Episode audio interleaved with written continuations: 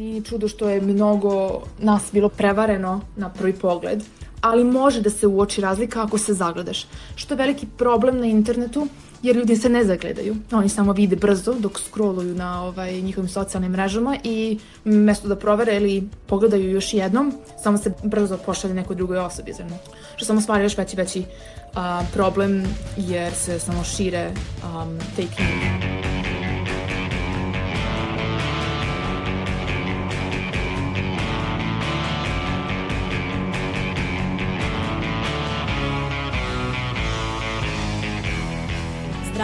Slušate podcast Reagu i nezavisnog društva novinara Vojvodine. Moje ime je Iva Gajić, a na ovoj emisiji radili su i Sanja Kosović, Irena Čučković, Nemanja Stevanović i Sanja Đorđević. Jeste li videli lažnog Toma Cruza na TikToku? Ili možda Johna Snowa koji se izvinjava zbog poslednje sezone Igre prestola? Ukoliko jeste, upoznati ste sa deepfake tehnologijom ili takozvanim sintetičkim videima. Međutim, šta je tačno deepfake tehnologija i kako ona funkcioniše? Inženjer elektrotehnike i trenutni student na masteru na Univerzitetu u Lozani Gojko Čutura u svom dosadašnjem radu susretao se i sa ovom tehnologijom. On objašnjava šta je deepfake i kako funkcioniše. Znači zašto uopšte deepfake? Fake je jasno zašto. Sve to nekako fake, nekako je nije originalno. A zašto deep? Zato što metode kojim se svi ovi primeri deepfake-a dobijaju su iz oblasti veštačke inteligencije koja se zove deep learning, to je duboko učenje. Znači, otud deep i otud fake. I sad, znači, neka definicija šireg smisla deepfake-a je bilo kakav deep medija koji je dobijen, koji je generisan, koji je lažan, u čijem procesu generisanja je korišćen deep learning. Deepfake-ovi postoje u različitim oblicima. Najčešće su dva. Prvi kada se lice jedne osobe pojavi na telu druge osobe i drugi kada se koristi postojeći snimak jedne osobe kojim se manipuliše, ali se koristi glas druge osobe.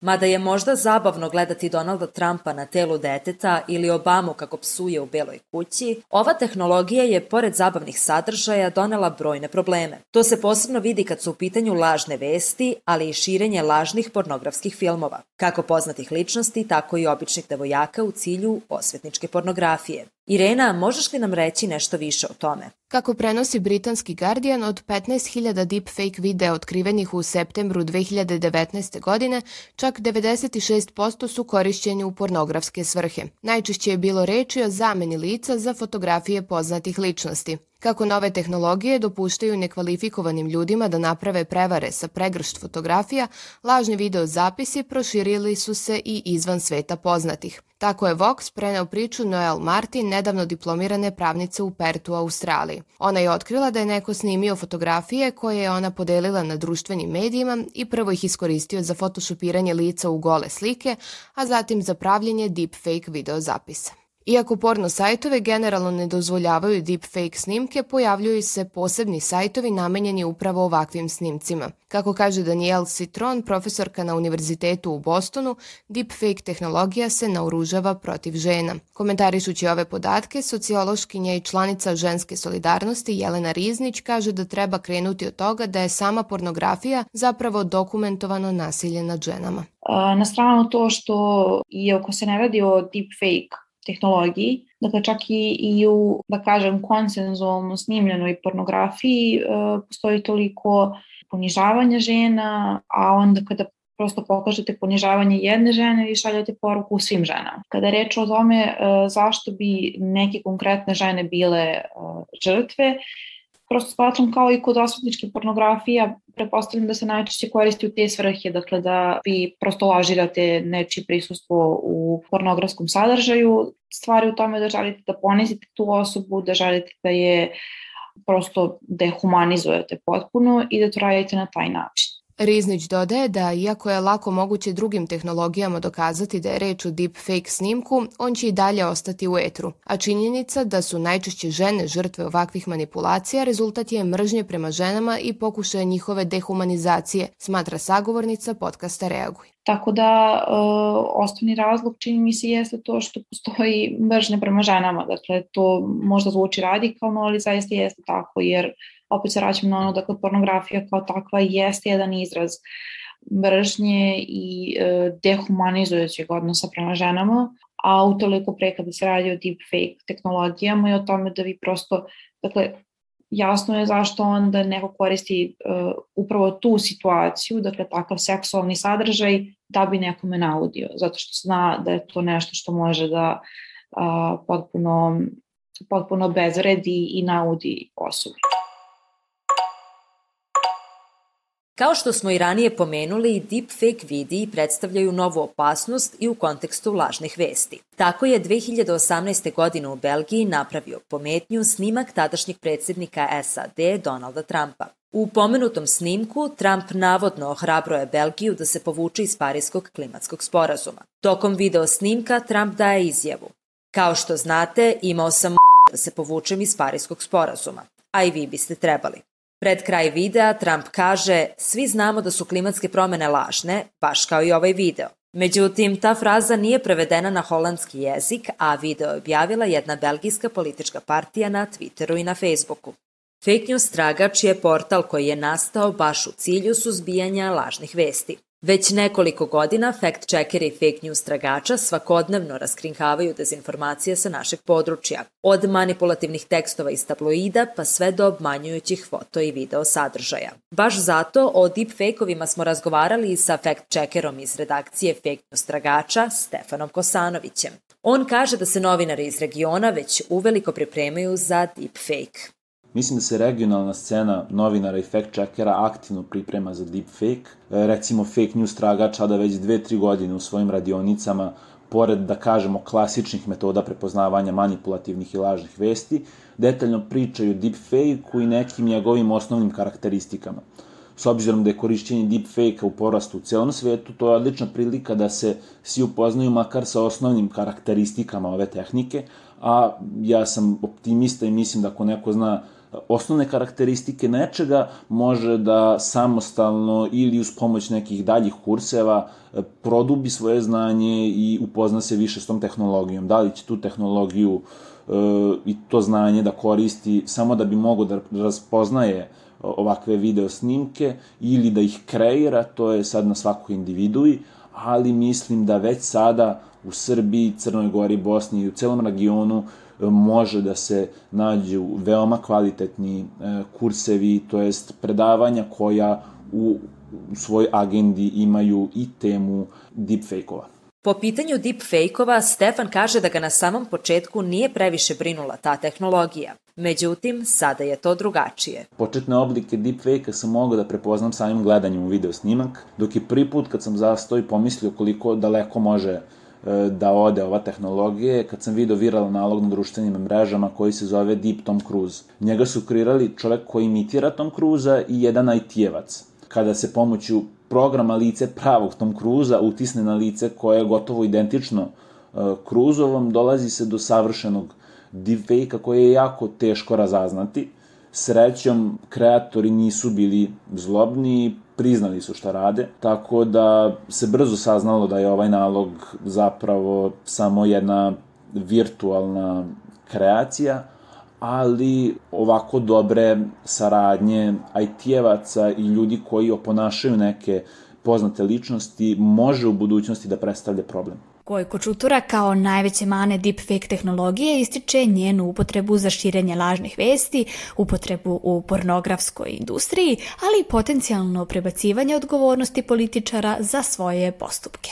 Po mom mišljenju je dosta jak disbalans između prednosti i mana deepfake. Glavna neka mana koja pada na pamet, a vrlo je, ja mislim, neminovno u nekom trenutku, su propaganda i fake news Znači, svi znaju koliko su mediji jako telo u lobiranju, u pokretanju masa da urade nešto u nekom smeru. I sad postaje mnogo lakše kad imaš nešto što se nije desilo, a što može da bude jako kompromitujuće za nekoga iz suprotnog tabora i svi znamo da ljudska intuicija kaže da verujemo onome što vidimo, ona stara dobra slika govori hiljadu reči i sad zamisli sutradan političara koji kaže pokušava se izvuče iz neke nameštene afere i prosječnog čoveka koji na to reaguje da, da, nije, nije on varao ženu, to su te njegove veštačke inteligencije uradile. Tako da to je, ja mislim, mana, glavna mana koja se tu vidi u vrlo bliskoj budućnosti, ako se već i ne dešava.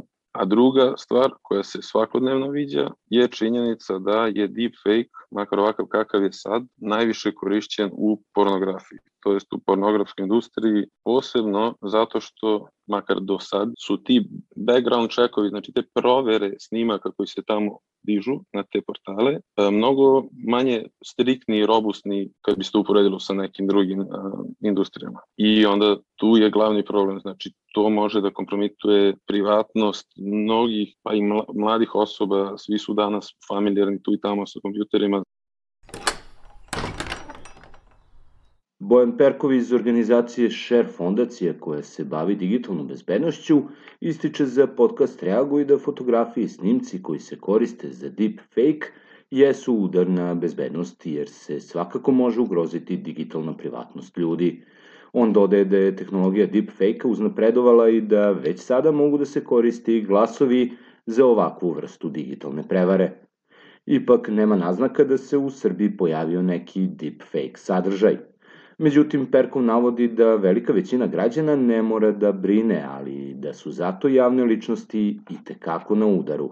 Sa aspekta nekog, da kažem, privatnog građanina i e, ne, nekoga ko nije toliko eksponiran u javnosti, pitanje je koliko tu može zapravo da se tog sadržaja isfikuje zato što su potrebne ogromne količine materijala kako bi jel, ti algoritmi, odnosno ta veštačka inteligencija kako bi to mogla da produkuje, što je opet situacija kod javnih ličnosti kao što su političari, glumci, muzičari, sportisti i tako dalje, gde postoji ogromna količina i fotografije i video materijala i audio materijala, tako da je tu ovaj, situacija nešto malo jasnija, da kažem. Deepfakeovanje pornografskih sadržaja prema rečima Bojana Perkova jeste i tekako ugrožavanje privatnosti i ličnosti.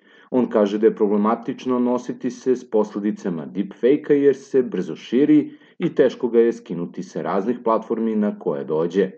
Naš sagovnik ipak navodi da kako do zloupotrebe ličnih fotografija sa društvenih mreža ne bi došlo, najbolje voditi računa o privatnosti svojih naloga deepfake-ovi, e, oni se više, rekao bih, tu koriste sa nekim e, opet poznatim ličnostima, dakle opet sa nekim glumicama, pevačicama i tako dalje, dakle osobama, ali naravno to ne znači da njihova lična prava nisu tu ugrožena, e, samo nezgodno je tu povući liniju sad kako se braniti protiv toga, jer e, takav sadržaj može da se raširi po ogrom broju platformi, teško ga je ukloniti u potpunosti i teško je utvrditi često ko je originalno plasirao taj sadržaj, kako doći do te osobe i kako eventualno naplatiti tu štetu i tome slično. Mislim, to, to su sada neke jako kompleksne stvari. Iskustvo Stefana Kosanovića saglasno je sa tvrdnjama Perkova, te govori da deepfake u 2021. godini nije previše prisutan u domaćem bablu. On lično kaže da je nailazio na društvenim mrežama deepfakeovane sadržaje, ali ne u kontekstu dezinformacija, već kao šaljeve snimke. Neko moje iskustvo je da na društvenim mrežama sam vidio deepfake predsednika Vučića ili Teše Tešanovića, ali oni su bili rudimentalni. Pretpostavljam da je većina posmatrača na prvi pogled videla da se radi o šaljivim snimcima, ne, ne o nekim realnim e, izjavama pomenutih aktera. Kosanović za sada nije imao priliku da raskrinka neki deepfake. On objašnjava kakve su video manipulacije najčešće kod nas. Mislim da je to više do medijske scene, zato što deepfake-ovi još nisu komercijalizovani tako da može da ih e, kreira bilo ko verodostojno. I mislim da generalno ni ove neke zastarelije metode e, manipulacije sa deepfake-ovima nisu korišćene u našim medijima da bi se prenosile lažne vesti. Manipulacije i laži koje su u vezi sa video snimcima su ob, obično neoprezno preuzete satire ili parodije sa interneta i mislim da smo mi dalje u medijima ostali na tome da novinari prosto ne provere da li je u neki video ubačena pogrešna melodija ili pogrešan glas ili neki video snimak e, manipulativno isečen i mislim da smo mi dalje ostali da u našoj medijskoj sferi su i dalje takvi video snimci česti i, i problem. Deepfake-ovi i dalje nisu po meni problem. Nekada se, podsjeća Perkov, deepfake prepoznavo tako što u fejkovanom videu ljudi ne trepću. Ipak, tehnologija deepfake-a je napredovala i to sada nije slučaj. Kako kaže naš sagovnik, za javne ličnosti su tu hiljade fotografije i videosnimaka. Međutim, obični građani mogu da se zaštite od deepfake-a samo privatnošću na društvenim mrežama, gde i objavljuju sadržaje koje može neko da zloupotrebi za neki mogući deepfake možda kao neka mera predostrožnosti da se prosto povede računa koliko se fotografija lica ovaj, objavljuje javno na internetu, ako se već objavljaju fotografije, da makar budu podešavanja na društvenim mrežama takva da mogu samo da vide određeni ljudi, odnosno prijatelji, takav sadržaj, ljude koji smo ovaj, prihvatili da, da se sa njima povežemo, na primer takođe privatni Instagram nalozi i tome slično, jer kada se objavljuju velike količine ovaj, materijala i fotografije na internetu, čak i one ako se uklone ili obrišu, ne znači da nisu ostale opet u nekoj bazi, da na nekom drugom ovaj, sajtu ih neko nije preuzeo i tome slično. Inženjer elektrotehnike Gojko Čutura pretpostavlja da će deepfake postati još popularniji i dostupniji u budućnosti nego što je danas. Metode su mnogo sofisticiranije sada nego pred 5-6 godina kad je to zapravo u istraživačkom svetu i izašlo. I definitivno osrednji, bolji inženjeri i studenti elektrotehnike mogu to da, da implementiraju sa nekim kvalitetom i kako godine budu išle sve će biti lakše i lakše. Tako da da, aplikacije, mobilne aplikacije su definitivno, to je neminovnost, to, to samo je pitanje kad će da bude toliko zanimljivo. Stefan dalje objašnjava na šta je potrebno obratiti pažnju kada danas posumnjamo da je neki video deepfake. Da bi se dobar deepfake napravio, potreban je niz vešto implementiranih parametara, isto tako mora da se posmatra njegova dekonstrukcija. Znači, koliko je truda uloženo da bi se on kreirao, toliko truda će, ja mislim, trebati da bi se on dekonstruisao amaterska provera nekog deepfake snimka oslanjala bi se na oko posmatrača. Najviše pažnje treba da se usmeri na lice, pošto na njemu može da dođe do neprirodnih zatamljenja, pomeranja nekih piksela, kao i nastanka takozvanih providnih piksela gde neki deo kože potpuno izgubi boju. Treba gledati da li se sveobuhvatni pokreti figure odgovaraju sa grimasama E, na licu, pošto je obično lice to koje se zamenjuje. I onda, recimo, e, dok se telo kreće desno, e, lice na par sekundi ili delova sekundi, recimo, ostane u nekom neprirodnom položaju koje i samo naše oko može da prepozna da je neprirodno. Ipak, nije sve tako crno po pitanju deepfake-ova. Gojko Čutura kaže da ova tehnologija sa sobom nosi značajne prednosti. Glavna prednost koju bih ja tu izdvojio je, znači, ajde uzmemo u obzir činjenicu da nije deepfake jedina stvar koja danas u, u tehnici i nauci može da te obmane. Mnogo stvari može da bude iskorišćena u loše svrhe, da nekog obmanu ili prevare i tako. Sad, dobra stvar, dobra, sreća nesreća kod deepfake-a je što to jeste proizašlo iz neke šale i zabave, svih onih aplikacija, vidi kakav ćeš biti za 100 godina, kako ti izgledaš u telu Brad Pitta i tome slično. To nam je makar u tom procesu kao lupilo packu ljudi pazite čemu verujete, kako koristite svoje podatke na internetu i uopšteno, tako da to je, ja mislim, stvarno glavna prednost i sigurno se može naći još mnogo prednosti u nekim specifičnim primenama, na primer fotorobot u policijskim istragama. Sigurno može puno da pomogne u, to, u toj primeni ili ne znam, plastična hirurgija, pa vidi kako bi, bi mogao, to bi trebalo da izgledaš posle te operacije, da li ti se to sviđa, da li ćeš nastaviti u tom smeru.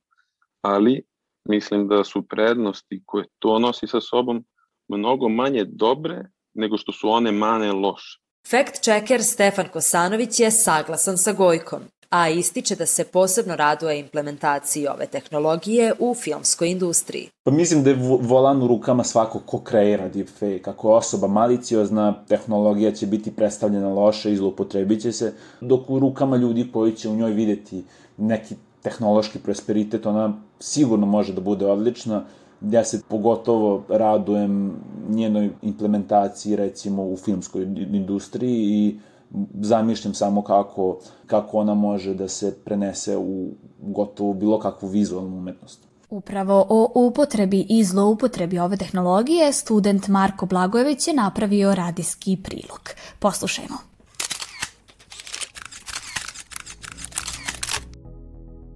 Žižu javnosti deepfake tehnologija je ušla pre nekoliko godina, kada su se na društvenim mrežama pojavili lažirani snimci poznatih ličnosti.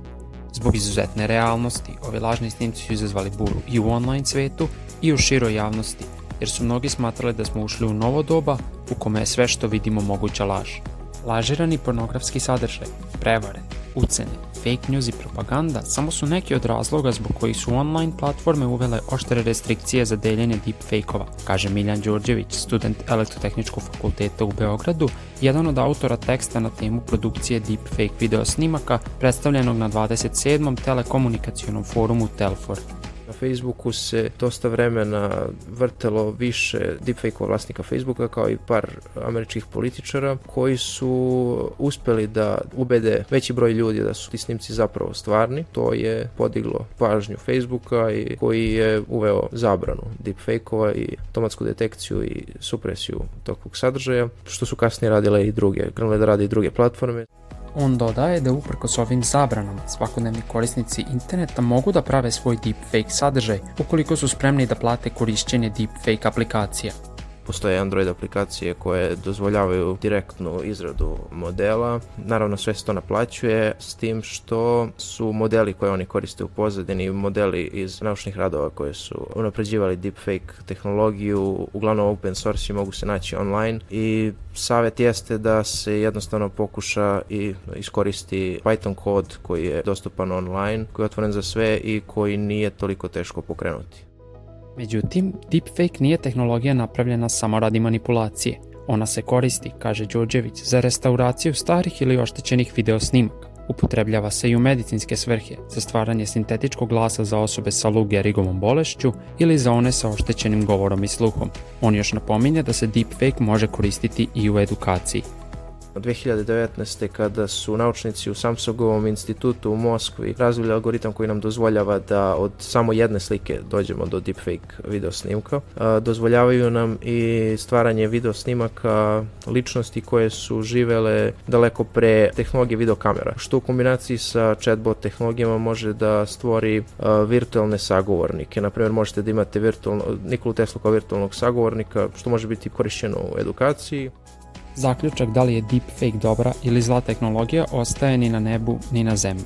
Kao i druga moderna tehnološka dostignuća i deepfake sa sobom povlači mnoga etička, moralna pa čak i legalna pitanja. Tanka je granica između pravljenja šaljivih snimaka prijatelja sa izmenjenim licima i korišćenja takvog sadržaja za manipulaciju i obman. Međutim, jasno je da pored svih svojih negativnih strana, deepfake ipak ima i one pozitivne, koje će dalim napretkom same tehnologije biti sve korisnije kako u videoprodukciji, tako i u drugim oblastima. Fact checker Stefan Kosanović smatra da je zakonska regulacija dobro rešenje. Međutim, u tom slučaju postavlja se pitanje da li će regulacija takvih sadržaja potencijalno dovesti do uskraćivanja umetničkih sloboda. Mislim da dobro smišljen zakon uvek pozitivna stvar, ali recimo TikTok ima politiku uklanjanja deepfake-ova koji nanose štetu kako možemo da zaključimo da li je deepfake naneo štetu Putinu, Obami ili Tomu Cruzu? Pa verovatno lakše, pošto će njihovi video snimci biti popularni, a njihovi zastupnici će zaustaviti širenje na vreme tako što će kontaktirati platformu. Šta ćemo sa internim stranicama ljudi iz recimo Novog Sada, kako će oni da kontaktiraju ovako velike platforme i obavesti ih da je neki video naneo štetu, pa mislim da će to biti mnogo teže nego recimo što će uraditi Obama. E, napravio bih ovde korelaciju sa photoshopiranim fotografijama koje takođe mogu da se zloupotrebe, a teško mogu da se regulišu. Ovo je svakako pitanje za budućnost, ali s obzirom koliko se na internetu e, informacija i materijala uploaduje svaki minut, skeptičan sam da se regulative mogu sprovesti jednako među svim korisnicima interneta, pošto mislim da je jako teško utvrditi da li je neki materijal nekom naneo štetu ili sreću da će možda to biti previše radikalno pa da će se recimo bilo kakav šaljivi ili kreativni, umetničko kreativni deepfake-ovi uh, brisati sa društvenih mreža, zato što smatram da je internet mešavina svega i da će uvek uh, oni maliciozni uh, video snimci, to jest deepfake-ovi, biti nekako u centru pažnje, dok će oni umetnički ili šaljivi biti skrajnuti. Jelena Riznić dodaje da treba raditi na mehanizmima prevencije kako bi se žene zaštitilo od osvetničke pornografije generalno, a samim tim i deepfake-a koji se koristi u te svrhe. Ali mislim da je u stvari ključno uvek podcrtavati ko je tu glavni krivec. Dakle, ne ljudi koji objavljuju svoje fotografije, zato što prosto to svi radimo i to jeste tehnologija novog vremena i jedini način da se od toga zaštitimo jeste da a, se ne znam, a, kao Patrik ono, zabijamo pod neki kamen na kraju krajeva kada roditelji objavljuju slike svoje dece, dakle oni nemaju loše namere, oni razmišljaju o tom. Najvažnije je zapravo da uvek podcrtavamo ko je tu krivac, dakle krivac je uh, ne osoba koja objavlja fotografije, nego osoba koja, koja to koristi u, u te svrhe i to je čini mi se ono što možemo da radimo, da osnažujemo žrtve, a sa druge strane ključno je, zaista je ključno da uh, već jednom dobijemo u okviru silabusa i u okviru obrazovanja nešto što će zapravo pratiti E, razvoj tehnologija, koliko toliko, dakle ne može u potpunosti korak korak zato što se tehnologije toliko brzo razvijaju, ali mislim da je ključno da uh, prosto imamo neki standardizovani silabus koji će učiti sve svu decu kako da se zaštite na internetu, kako da prosto te fotografije koje jednom objave ne budu iskorišćene uh, u te svrhe, kako da se zaštite od nepoznatih ljudi inače od uh, drugih opasnosti na internetu. Sagovornica podcasta Reaguje zaključuje i da je neophodno konstantno graditi svest u ženskim pravima i zakonski prepoznati deepfake kao jedan od oblika zlostavljanja. Dakle, recimo do pre 40 godina uh, nije postojao termin silovanje u braku. Nije bilo regulisano zakonom. Uh, nismo imali u jeziku, dakle, uh, nismo ni na koji način mogli da se fokusiramo na to, nismo mogli da adresiramo taj problem, a, a utoliko pre nismo mogli da rešavamo uh, legislativno. Uh, onom trenutku kada je to ušlo u zakon, kada su se feministkinje izborile za to, dakle mi, mi sad već imamo statistike, imamo mehanizme pomoću kojih možemo da delamo kada do problema dođe, uh, imamo jezik da adresiramo problem i da kažemo da, to je silovanje, to nije ženska obaveza. Zašto ovo koristim kao primer? Zato što je jezik vrlo važan. Dakle, a, važno je da se izborimo da to prosto bude prepoznato kao jedan oblik nasilja nad ženama, nad decom, dakle žene su te koje su najpogođenije, ali i, i, decima u samo tome.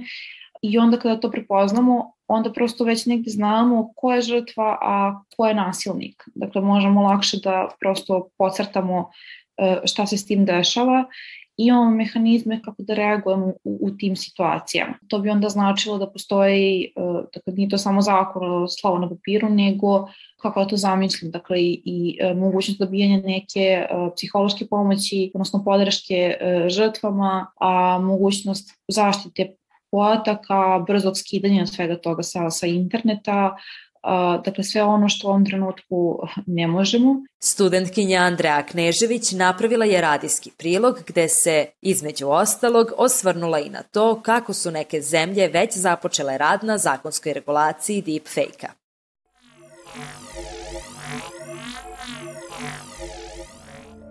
Sa pojavom novih medija došlo je i do pojave novih tehnika manipulacije, a u poslednjih nekoliko godina je u svetu sve učestalija deepfake tehnologija. Diplomirani inženjer računarske grafike i 3D umetnica Lorena Ignjatović-Ivanović kaže da je zahvaljujući onima koji su ovladali veštinama vizualne obavane danas sve teže razaznati šta je istina, a šta ne. Deepfake tehnologija jeste tehnologija koja omogućava veoma realističnu zamenu lica neke osobe uh, real time, što znači da kako se nešto dešava, kako neko snima um, neku osobu, u isto vreme može da se pušta video sa već zamenjenim licem. Nije ono da smo snimili video pa ga obradili kasnije. Po njenim rečima, osnovna namena deepfake montaža bilo je filmsko oživljavanje poznatih ličnosti, ali je postepeno došlo do negativnih posledica u vidu uzimanja tuđih identiteta, a samim tim i do lakšeg širenja lažnih vesti. Nije čudo što je mnogo nas bilo prevareno na prvi pogled, ali može da se uoči razlika ako se zagledaš. Što je veliki problem na internetu, jer ljudi se ne zagledaju. Oni samo vide brzo dok scrolluju na ovaj, njihovim socijalnim mrežama i mesto da provere ili pogledaju još jednom, samo se brzo pošalje nekoj drugoj osobi. Znači, što samo stvara još veći veći a, problem jer se samo šire um, fake news. Rezistencija na ovakve i slične oblike digitalne manipulacije moguće je samo ukoliko postoji svest o istoj. Ipak, čini se da se o ovom fenomenu kod nas još uvek veoma malo zna. Pa čula sam za deep web, ali ne znam šta je deep fake. Ne, ne znam šta je deep fake. Mislim da to ima neke veze sa lažnim videosnimcima i fotografijama. Mislim da je to to. Nove tehnologije i njihove mogućnosti privlače sve veći broj korisnika, a samim tim nastaju i uslovi za zloupotrebu istih. Međutim, neke zemlje su već započele rad na rešavanju ovog problema, kaže Ignjatović Ivanović. Australija ili Kalifornija su prve koje znam da su krenuli da pričaju o tome, da su e, počeli da, da postavljaju posebnu granu zakona protiv korišćenja deepfake-a, do koje mere može da se a, zlopotrebi. Tehnološki napredak je i dalje korak ispred zakona, a posledice mogu biti nezamislive. Stoga je neophodno intenzivnije raditi na adekvatnoj sistemskoj zaštiti, jer će u suprotnom tek nadolazeće tehnologije povećati količinu digitalnog nasilja i samim tim postaviti pitanje da li pojam bezbednosti na internetu danas uopšte i postoji.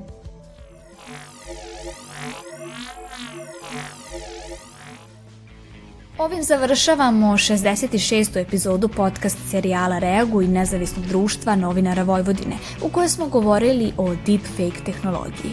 Šta vi mislite o tome? Da li, po vama, takozvani sintetički videi donose više dobrog ili lošeg? Pišite nam u Facebook grupi Podcast Reaguj ili na mail podcast.ndnv.org. Slušamo se ponovo uskoro, a do tada ne zaboravite da čekamo na vas, vaše komentare i predloge tema. Sva pitanja i predloge možete nam slati na Twitteru, Facebooku, Instagramu i TikToku. Naš rad možete pratiti na kanalima na iTunesu, Stitcheru, Castboxu, Sounderu, Spotifyu, Google podcastima, Deezeru, kao i na sajtu podcast.rs. Ukoliko želite da nas podržite, uradite to baš šerovanjem, komentarom, deljenjem svoje priče ili preko sajta donations.ndnv.org.